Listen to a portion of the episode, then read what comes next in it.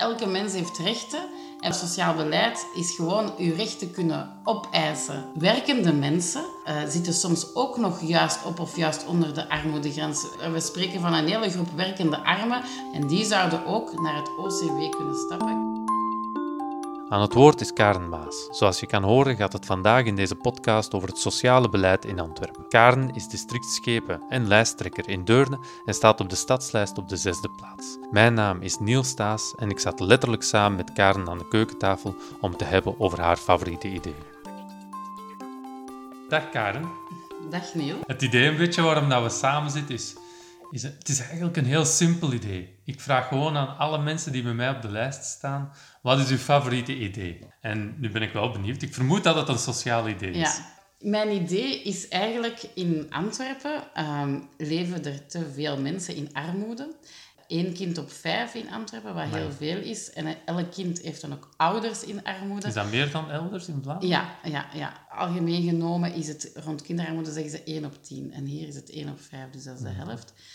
Mijn idee is dat we eigenlijk alle inkomens, de, laag, de inkomensuitkeringen die onder de armoedegrens zitten, mhm. dat we die via een bijpassing van het OCW, een financiële bijpassing, dat we die mensen een menswaardig inkomen kunnen geven. Oh, wow.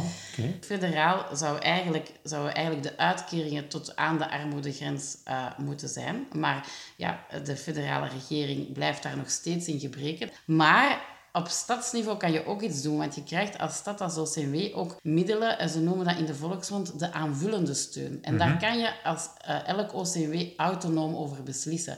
Sommigen geven dat bijvoorbeeld meer in projecten voor voedselbedelingen. Anderen gaan daar vooral ook kwestie van zwangere vrouwen mee benadrukken. Dat zit vaak in heel veel verschillende uh, hokjes opgedeeld. Mhm. Neem al die verschillende hokjes aanvullende steun samen en maak daar eigenlijk één budget van. En dan is er een instrument uh, dat ook academisch, daar is academisch onderzoek voor gedaan. Dat is eigenlijk, uh, wat heeft een mens nodig om mhm. menswaardig te leven? Ja, ik wou je juist vragen, ja. je zei iets van menswaardig bestaan. Is dat dan een minimumloon, leefloon? Ik, ik ben niet thuis in de materie, wat houdt dat juist Eigenlijk scheelt dat van persoon tot persoon. Hè. Je hebt natuurlijk de armoedegrens en we proberen mensen boven die armoedegrens te halen. Maar als je gaat kijken naar dat onderzoek, dan zeggen ze van je moet eigenlijk per persoon zien van wat heeft dat gezin nodig. Dus eigenlijk zeggen we, bekijk een mens als mens en niet als van waar of welk hokje krijgt u uitkering. Jij, uh, Neil, mhm. komt aan het OCW en je hebt te weinig om menswaardig te leven. Ah ja, dan gaat het OCW van Antwerpen u een stukje aanvullende steun geven om menswaardig te kunnen leven.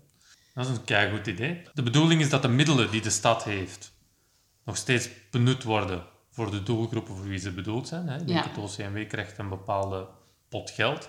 Maar dat je zegt van in plaats van dat we op projectbasis en in, in grote groepen mensen gaan benaderen, zeggen we nee, we vertrekken vanuit het individu, vanuit de gezinssituatie zelf.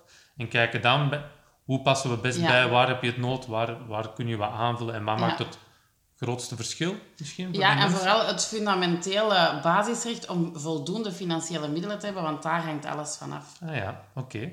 Ik denk dat ik mee ben. Ah, Voor een stuk. Nee, maar het, het, is een belangrijk thema. Ik ben blij dat je het ook aangehaald hebt. Ik denk dat dat leuke is aan alle gesprekken dat ik nu al gedaan heb, is dat je merkt van iedereen heeft zijn eigen dingen die dat ze heel belangrijk vinden. En eigenlijk zijn ze allemaal belangrijk. Karen, okay, dankjewel. Merci. Ja, dankjewel. Het was, was heel... Eh, aangenaam. Uh, nog veel succes met je andere gesprekken. Ik uh, kijk er naar uit om ze te beluisteren. Okay. En jij met de campagne? Ja, dankjewel. Jij ook.